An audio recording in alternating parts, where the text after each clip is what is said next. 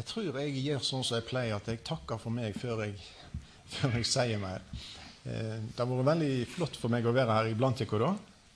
Som jeg sa første kvelden, så var jeg jo veldig spent, fordi at dette stoffet som jeg, jeg har kommet med, det er jo helst tungt vann. Tungt stoff. Eh, og så har jeg møtt veldig god mottagelighet, og det er jeg takknemlig for. Og tusen takk for fellesskap. Hjertelig takk òg til Lars og Astrid. Omvendt. Astrid og Lars. For det er Astrid som har hatt ball med meg. Han Lars har nesten bare hatt fordeler. Vi ser i huset. Men det har vært veldig flott å være i JDK. igjen. Tusen takk skal dere ha. Eh, og så er det jo sånn at dette stoffet som vi tar, det blir vi ikke ferdig med. Heller ikke i dag. Men vi skal gå, prøve å gå litt videre eh, med noen ting i dag òg. Mm. Var, eh, forrige uke så, så, Nei, det var denne uka. Nei, i dag er det søndag. ikke Ja, da var det forrige uke. Da eh, bodde jeg i en heim, og da var en kar som hadde vært i Israel. Og hadde var så begeistra for han hadde hatt en sånn fantastisk tur.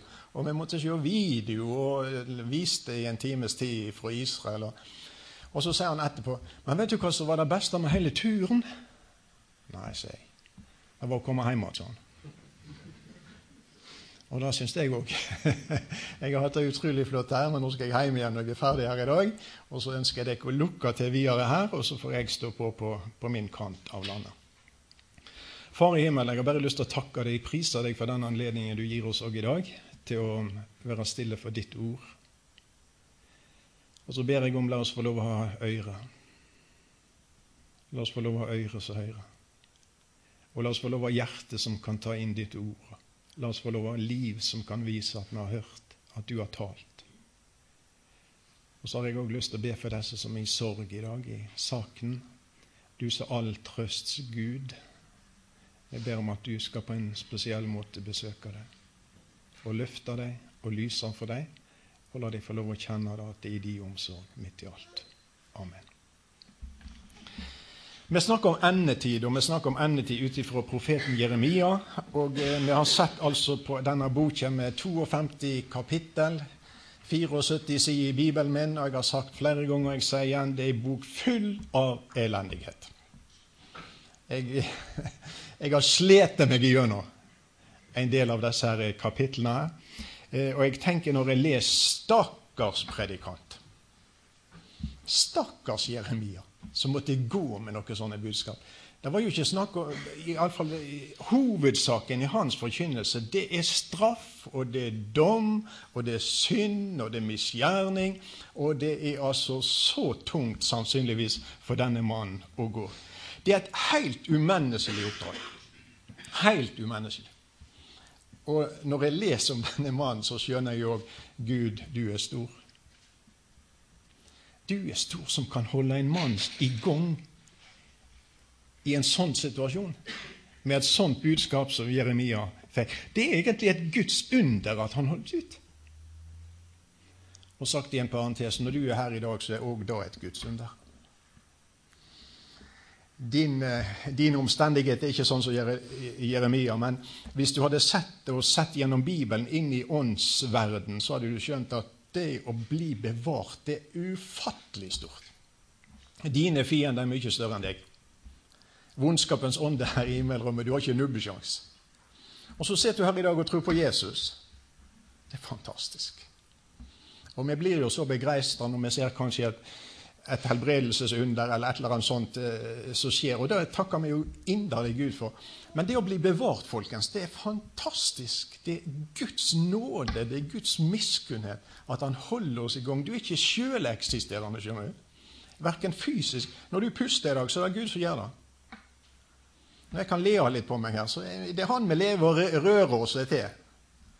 Og når det gjelder det åndelige livet ditt, så er det Gud først og fremst så holder deg i gang. Og Sånn var det òg med Jeremia. Kallet hans eh, det hadde jo vært stoff sikkert for en bibeltime. Men nå skal jeg bare lese i kapittel 1. Se i dag, vers 10. Set jeg deg over folka og rika til å rykke opp og til å rive ned, til å ødelegge og til å bryte ned, til å bygge og til å plante. Hører du kallet hans? og det er seks eh, ting som er nevnt. Karakteren av kallet hans har fire negative eh, uttrykk og to positive. Og det negative det er jo det at du skal, eh, eh du skal rykke opp og rive ned. Og så skal du altså ødelegge og bryte ned. Hvem vil kalle en sånn predikant? Ja, Vi må ha en ødeleggelsespredikant. Ha? Vi må ha en predikant her som kan rive ned.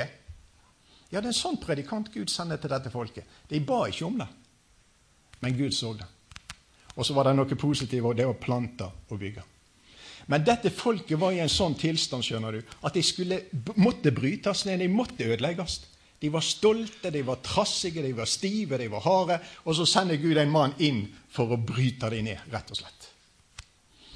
For Gud står de stolte imot, men de audmjuke gir Han nåde.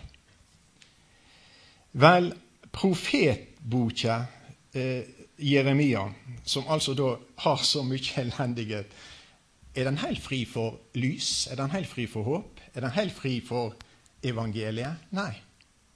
Og Nå skal vi se litt på det i dag. Og Jeg må jo bare sånn personlig si at når, når jeg har liksom møtt på de der, de der oppløftende ordene, så var jeg Å, takk Gud. Det er ikke alt som er mørkt. Det er ikke alt er håpløst. Her er noen lyspunkter som kan løfte, og som kan gi meg og oss hjelp òg i dag.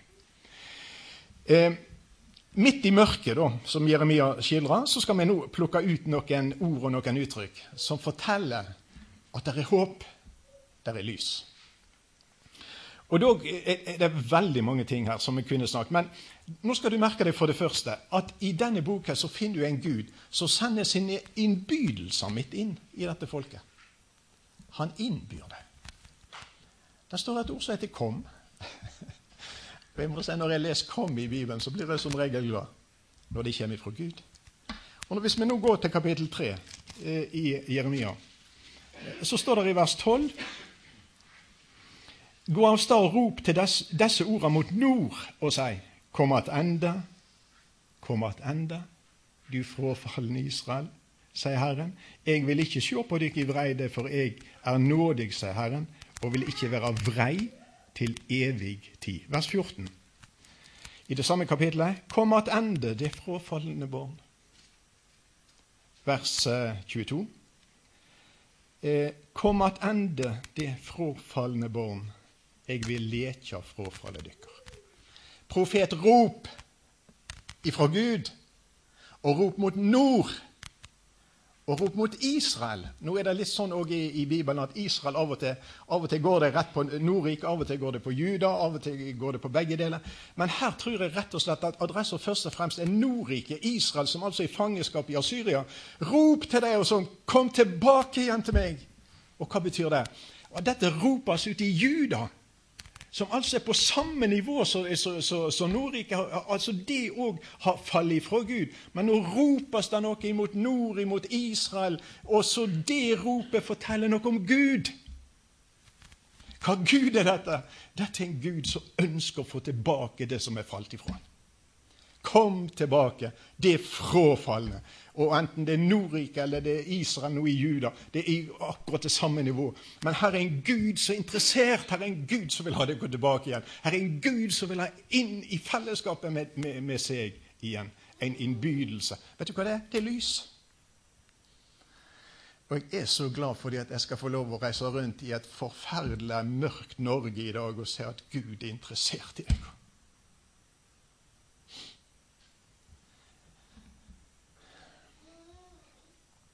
Jeg vet ikke om det er ett område i dette landet der ikke det liksom velter fram i dag med djevelskap og synd og ugudelighet. Og så er det en Gud i himmelen som sier 'kom'. Det, som nasjon har de fallet ifra alt dette her positive. Dette er gode, dette er guddommelig. Og så er det en Gud i himmelen som kom tilbake. Innbydelse. Det er lys. Så har du masse formaninger. Eh, det òg er lys. Altså, når, når jeg blir formana så tenker jeg her er folk som vil meg vel. Her er noen som bryr seg. Og du skal finne masse formaninger. La deg advare, kapittel 6 Vi kan ikke slå opp på alt dette, for da blir vi sittende til i morgen. Men la deg advare, står i 6-8, mot å bli ødelagt ifra, av Herren.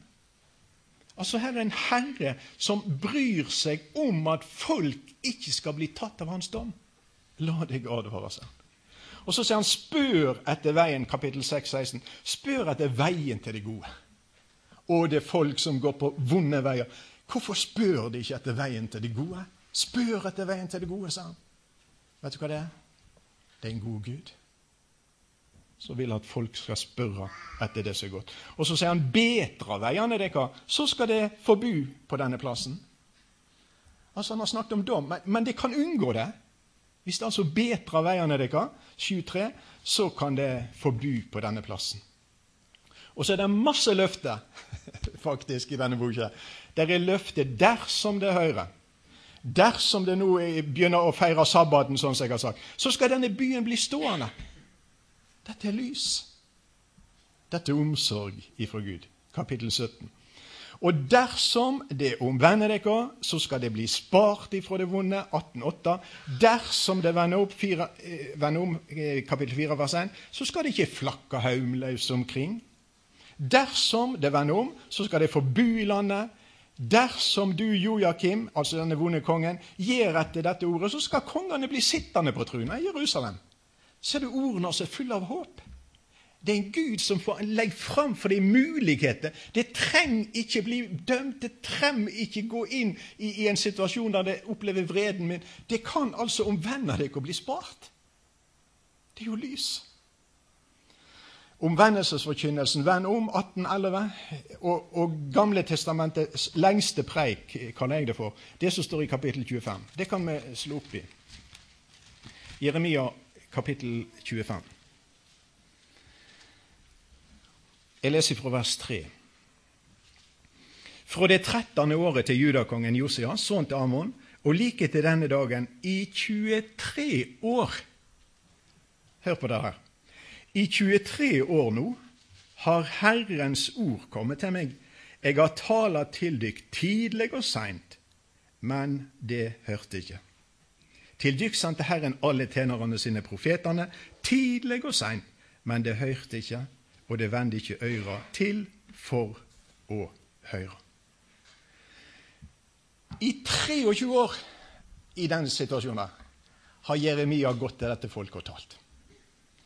23 år har han stått der og sagt 'Så sier Herren'. Kan du tenke deg for en tålmodighet Gud i himmelen har, og hjelpe meg, altså. Hvis jeg reiste til ei bygd og de ikke ville høre, så ville jeg reist til kretssekretæren min og sagt da vil ikke jeg reise tilbake igjen. Og så er det en profet som heter Jeremia, som reiser år etter år etter år. Ingen hører på han. Han reiser tilbake igjen, reiser tilbake år etter år, preiker til samme folkene år etter år. Vet du hva dette vitner om? Det vitner om en Gud i himmelen som bryr seg. Han sender profeten og nå har han holdt på i, i den situasjonen. Han holder på i 23 år. Og han holder på i 40 år. Og han preiker til det helt til siste slutt. Og ikke bare det, han fortsetter etter slutten òg. Men for meg er dette et enormt vitnesbyrd om Gud, som skal ha tak i folket sitt, og som vil få dem på rett kurs igjen. Omvendelse er redning. Og det står altså i 26, 13, Eh, et sånt hjertesukk som jeg av og til tenker òg på. Jeremia 26 og vers 13. Og så sier Gud, så betra nå veiene dykkar og gjerningene dykkar, og høyr på røysta til Herren dykkar Gud, så skal Herren angra det vonde som Han har talt. Ja, 26.1 eh, skal vi lese òg.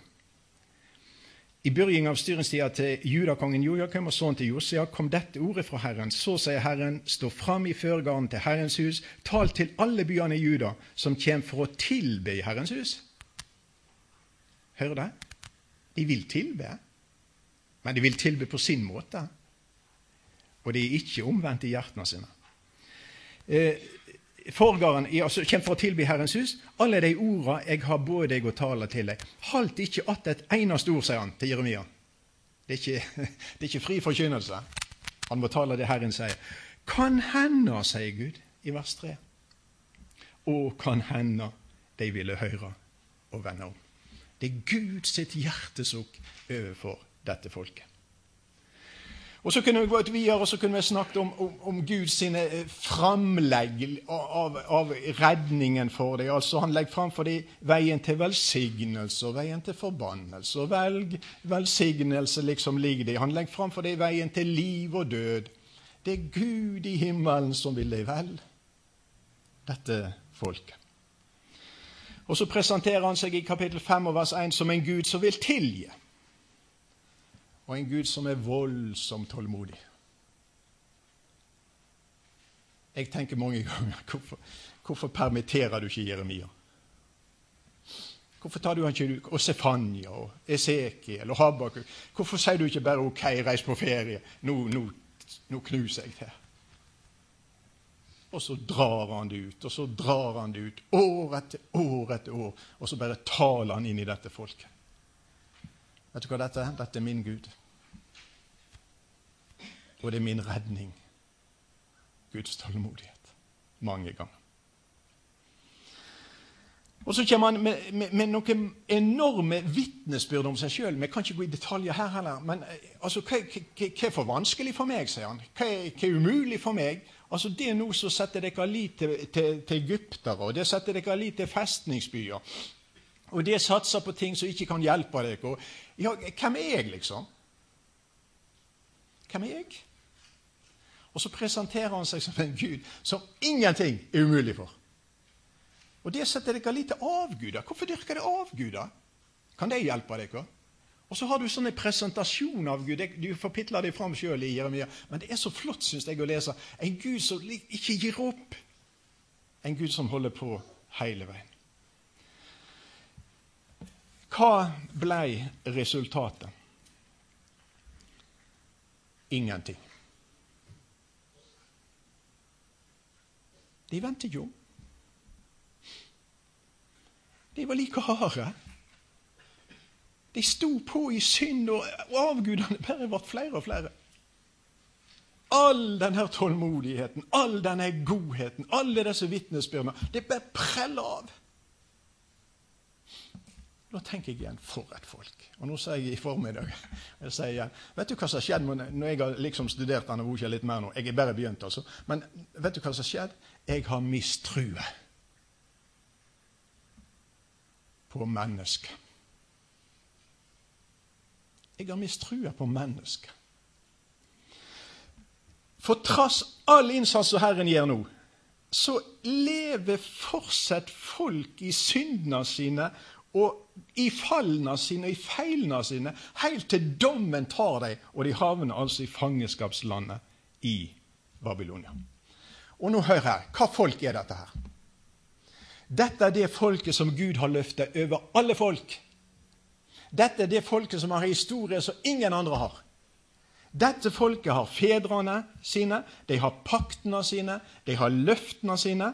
Dette folk har Guds tjenester, dette folk har Guds ord blitt forkynt for. De har omskjærelsen, de har tempelet, de har Jerusalem, byen, den hellige byen, eh, den fagreste byen av alle. Og her, altså Det folket går fiasko og konkurs. Hvem kan da bli stående? Altså Hvis det er et sånt folk som fikk så enorm hjelp fra Gud, hvis de gikk til bunns hva da med alle andre folk? Hva da med meg? Og vet du hva jeg tenkte av og til når jeg leste? Tenk om jeg hadde levd da. Nå kan jo du tenke deg tilbake igjen, altså 600 år før Kristus. Tenk om du hadde levd da? Tenk om du hadde levd i Juda? Hvor stor sjanse er det for at du ville vært bedre? Hvor stor sjanse er det for at du ville vært blant de gudfryktige? Kanskje var det ja, er det ikke godt å si.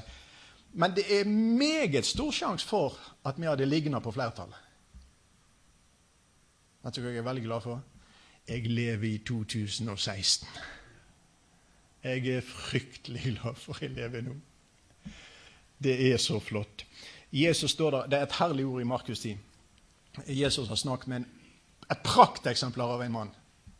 Og Så snakker han med han, og til slutt går han sturen bort, som står på nynorsk. Eh, Og så står læresvennen ja, hvem kan da bli frelst? Hvem kan da bli frelst? Når ikke han kunne bli det.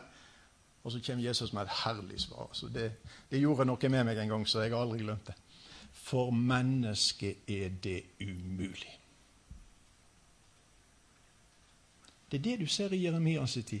Og Der er det ikke et menneske, men der er det et helt folk som har prøvd seg på loven. Og loven er altså hjelpeløs overfor dette folket. Den er lamma, den ligger lamma. Ikke fordi at loven ikke var god, men folket var gjennomsyrt korrupt.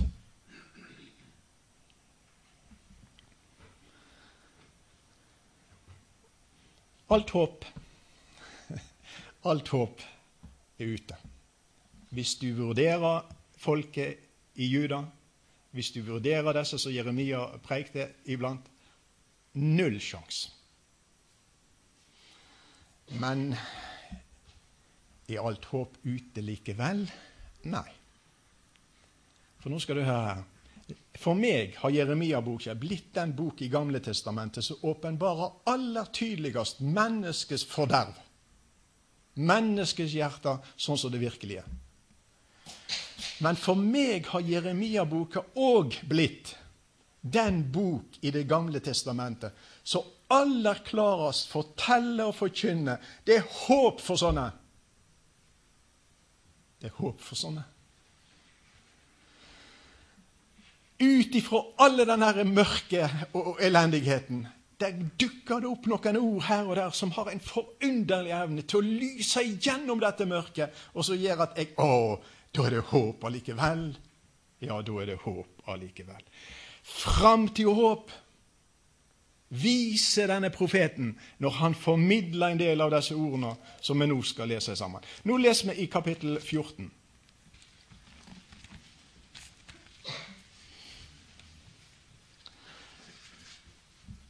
Vi har utrolig godt av å miste trua på oss sjøl. Det er altfor mange som tror altfor godt om seg sjøl. Men når du kommer inn i Guds nærhet, og det er det israelsfolket har gjort mer enn noe annet folk, da blir du avslørt.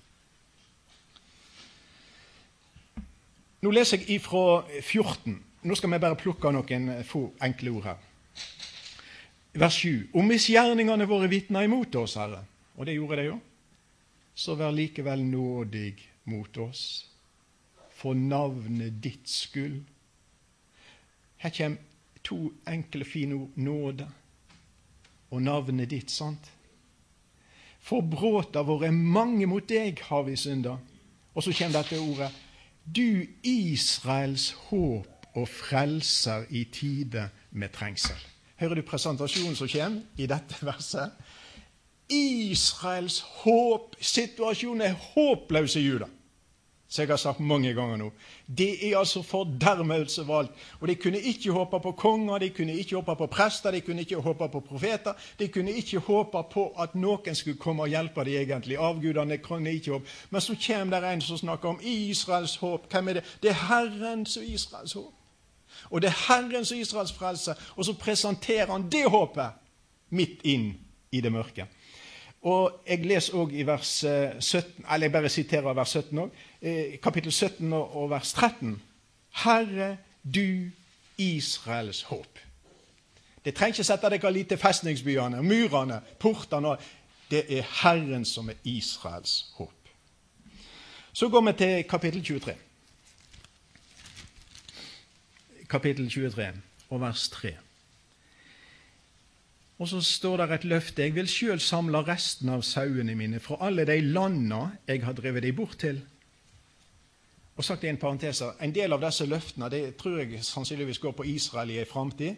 Og noe har ikke skjedd ennå, noe kommer sikkert til å skje. Men jeg erfarer òg disse tingene går på oss som tror på Jesus i dag. Jeg vil føre deg attende til deres egne beitemarker. Der skal de være fruktbare og verta mange. Jeg vil sette hyrdinger over dem og de skal gjete deg. Og de skal ikke lenger være redde og ikke verta skremte, og ingen av dem skal verta sakna, sier Herren. Sjå, skjerp oss, sjå, dager skal komme, sier Herren, da jeg vil la en rettferdig renning stå fram for David. Og I andakten i dag tidlig så leste han Lars om en spire. Eh, og Det er det samme som Zakaria preker om. Det er det samme som er omtalt andre plasser. Det skal komme en spire, det skal komme en renning, en liten kvist skal skyte opp. Og Det snakker Jeremia om. Det skal skje noe. Det skal komme noe nytt. En rettferdig renning står fram for David. Han skal råde som konge og gå fram med visdom og gjøre rett og rettferdig i landet. Hører du hva Jeremia preker om? Hører du hva han sier? Hører du hva han profeterer om? Han profeterer ikke om synden og elendighetene. Her profeterer han om det skal komme en som altså skal bli konge. Og det er ikke en konge som skal sitte i Juda. For de kongene da var snart vekk, alle sammen. Men det skal komme en spire, det skal komme en renning, det skal komme noe nytt. Taler Jeremia her om. En rettferdig renning. Eh, ja. Eh, vi skal også ta med vers 6. I hans dager skal Juda verta frelst. Ohoi. Her er det ikke snakk om dom og, og, Babylonia. Her er det snakk om frelse. Der framme en gang skal, skal de bli frelst. Og Israels butrykt. Dette er navnet han skal kalles med. Skal få høre et flott navn. Et av de beste navnene i hele Bibelen på Jesus. Herren vår rettferdighet. Ser du for deg folk i synd, ugudelighet, misgjerning, langt oppover ørene? Å, det tyter ut ugudelighet overalt.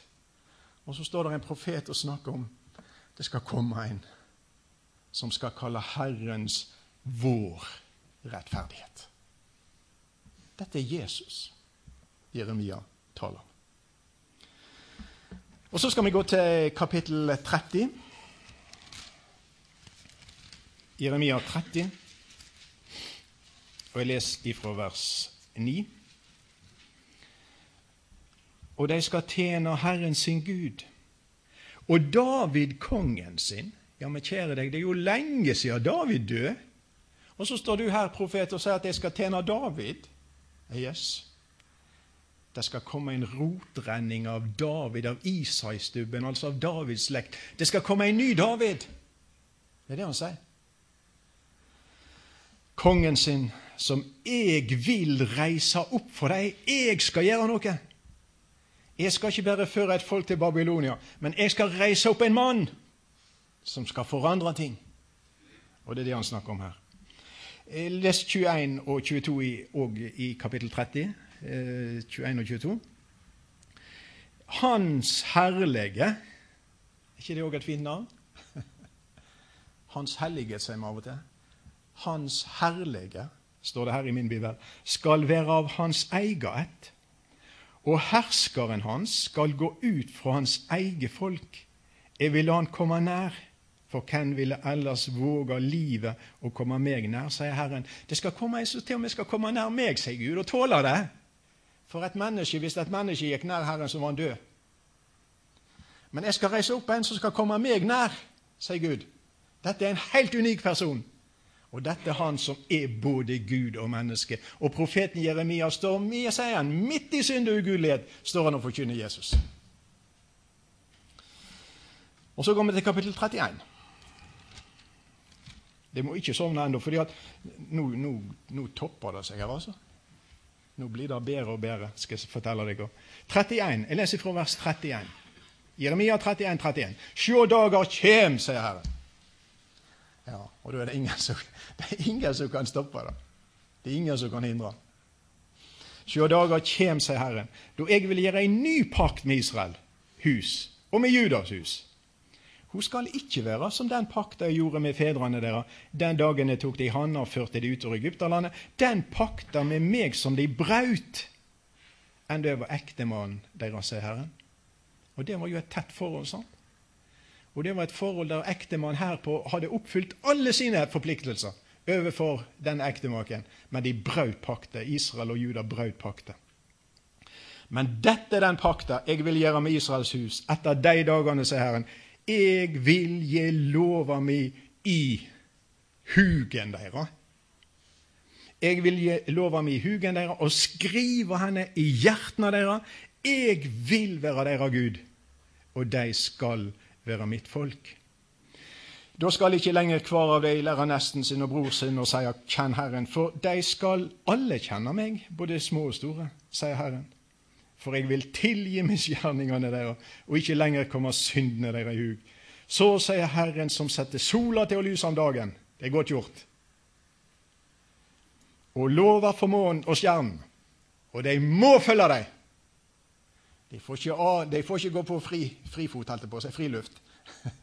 Stjerner og månen og alt. De må gå i bane fordi at Gud har bestemt det sånn. Og de går der Gud har sagt.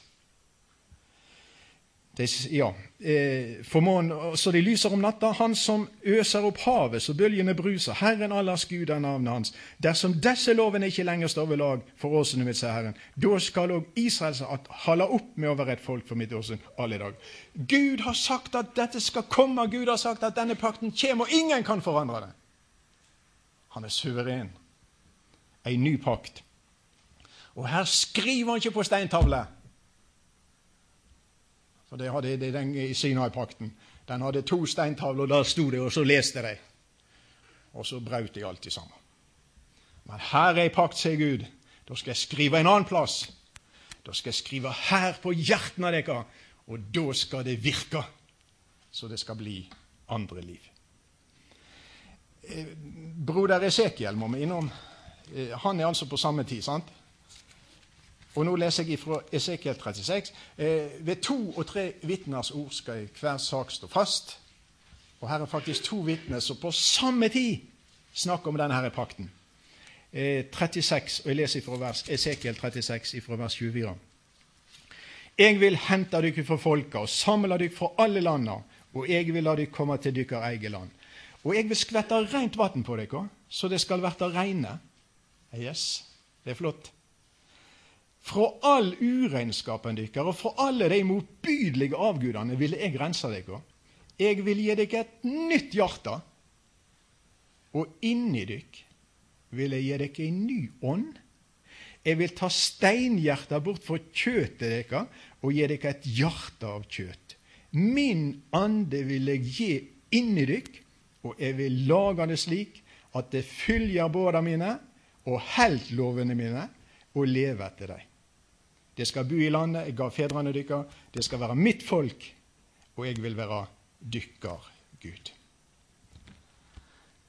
Vet du hva jeg sier? Jeg er ikke, jeg, jeg er ikke sånn jeg typisk ekstrem, men halleluja. For ei pakt! Enormt. Sinai-pakten hjelpte ikke. Jeg skal gi dere en ny pakt. Og nå går vi til Lukas 22. For denne pakten er forbundet med én person. Og den er ikke betinga av kvaliteten i meg eller i kvaliteten i deg. Den er betinga av kvaliteten i Han. Og Det er derfor denne pakten har håp til alle. Det mest gudfryktige eller religiøse mennesket på Karmøy de har ikke nubbesjans å holde steintavlene og leve sånn som det står. De har ikke nubbesjans. Det mest prektige mennesket det faller rett igjennom. Men her er ei pakt som den aller, aller djupest synkende kan gå inn i, og det holder. For Gud har ordna det sånn. Og Nå leser jeg i Lukas 22 og vers 20. Det var noe kjekt jeg skulle ha brødsbrytelse i dag. Da står det om Jesus. Likeens tok han kalken etter kveldsmåltid og sa Denne kalken er den nye pakt på nye steintavler. Nå venter jeg protester, for det var feil. Den nye pakt i mitt blod som blir utrent for dykk. Ser du hva den nye pakt er grunna på? Den er grunna på et blod til en som var annerledes. En som aldri hadde gjort ei synd. Jesu Kristi dyr blod. det hellige, det rene Jesu blod, er grunnlaget for den nye pakten. Og dette, mine kjære venner, er så viktig, og dette sliter vi med å huske, fordi at jeg og du vi lever ofte i den gamle pakt. Og Derfor er du veldig kristen noen dager, og så er du ikke kristen noen dager. Og når det går ned med deg, så ja, da er, da er alt galt. Sånn. Ja, hva pakt lever du i, da? Har du glemt hva pakten liksom er, er grunnlag på? Pakten er grunnlag på Jesu blod. det det i verdi? Når du faller djupt, altså, virker det ikke lenger da? Og når du får det skikkelig til, da trenger du det kanskje ikke? Altså, Jeg står i den pakten der. altså Jeg står inne i dette blodet her. Og det blodet er grunnlaget for den nye pakt. Og så visste Jesus sikkert da at vi, hadde ikke helt enkelt å huske på det da alltid. Så nå har vi fått litt spesielt hjelpemiddel her. Nå skal vi snart ete noe brød og drikke noe vin her. Hvorfor det, da? For vi skal minnes noe. For han vil at disse tingene skal leve. Han har jo ikke sendt ei krybbe rundt på bedehusene. Altså, nå må dere samle dere om denne krybba, så må dere huske på fødselen min. Han har ikke sendt noen vinkrukker som vi skal huske på bryllupet i Kanaan. Han har ikke sendt noe vann fra Genesaretsjøen, så vi skal huske hvor, hvor svær han var å gå på vannet. Men han har gitt oss blodet, han har gitt oss brødet, så vi skal minnes hans død. Og dess mer du er på Golgata, dess verre blir det for deg å synde. Og dessverre blir det for deg å si nei når Gud spør deg om noe. Denne nye pakten, den forandrer ting, og den altså fører til, til ting. Vi må gå til Hebreabrevet 8.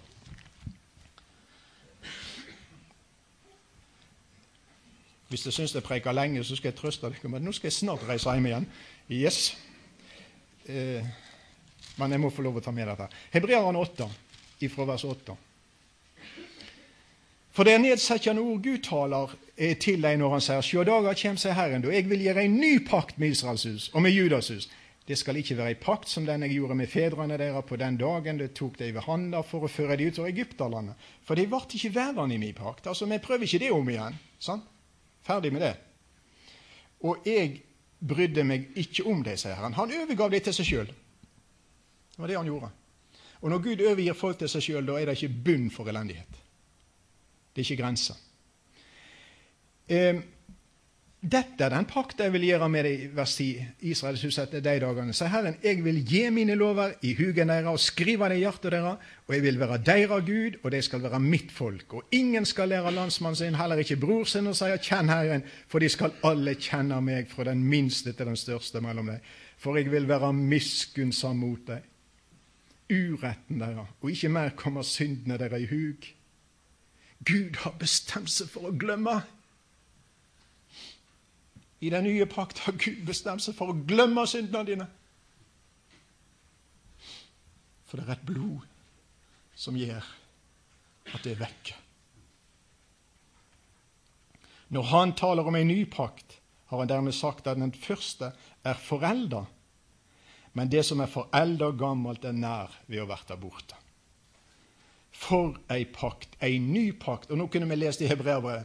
Det er et ord som går igjen. Du kan jo se hvor mange ganger du finner det ordet i Hebreabrevet. Du kan jo lese gjennom. Ordet 'bedre'. Se hvor mange ganger du finner ordet 'bedre'. Hebreabrevet holder opp og løfter fram den nye pakt. Og den er så mye bedre, sier han. Og så er det mange andre ting som er så mye bedre, og det er så mye større, og det er så mye alt, alt er liksom pluss i Hebreabrevet ei pakt som er så mye bedre. Fordi at den er grunnlagt på noe bedre. Og altså den har, har, den har evigheten i seg. Altså det er evig pakt som altså skal vare. Og det er ei pakt som forandrer hjertet. Det er ei pakt som har en ny prest.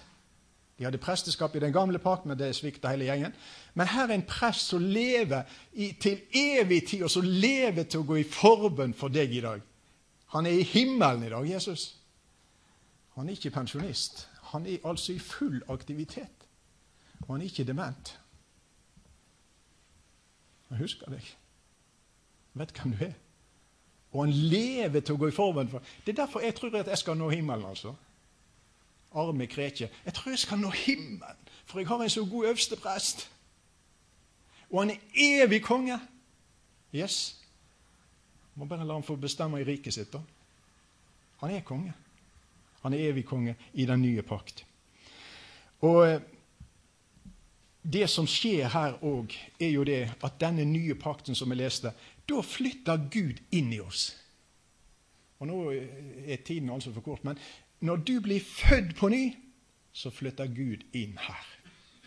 Og da har du altså Den hellige ande buende i deg. Og du skjønner det at hvis Den hellige ande bor i deg, så må det bli et annerledes liv. Og hvordan vil Den hellige ande drive oss som er kristne? Den driver oss som vi vil ligne mer på Jesus. Og Dess mer Anden får lov å fylle oss, dess mer Anden får lov å dominere oss, dess mer vil jeg og du ligne Jesus, og dess mindre vil vi ligne folk i Juda som levde i synd og misgjerning. Det går ikke an. Altså, det, det, er umulig å elske synd når Den hellige ande bor her. Du vil få trøbbel. Du vil få det plagsomt. Hvis du skal leve i synd, vil du få trøbbel. Han vil gi deg beskjed. Romerbrev 8. Eh,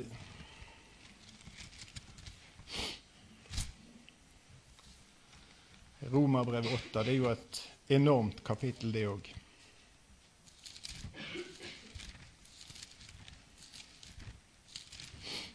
Romeren 8. Skal vi lese fra vers 1? Så er det da ingen fordøming for deg som er Kristus Jesus. Takk og lov. Tankene mine, gjerningene mine, ordene mine, forsømmelsene mine følelsene mine. Alt fordømmer meg. Hvor er du? Nei, jeg er flytta inn i en ny pakt. Jeg er flytta inn i en ny person. For den personen og den pakten henger i lag.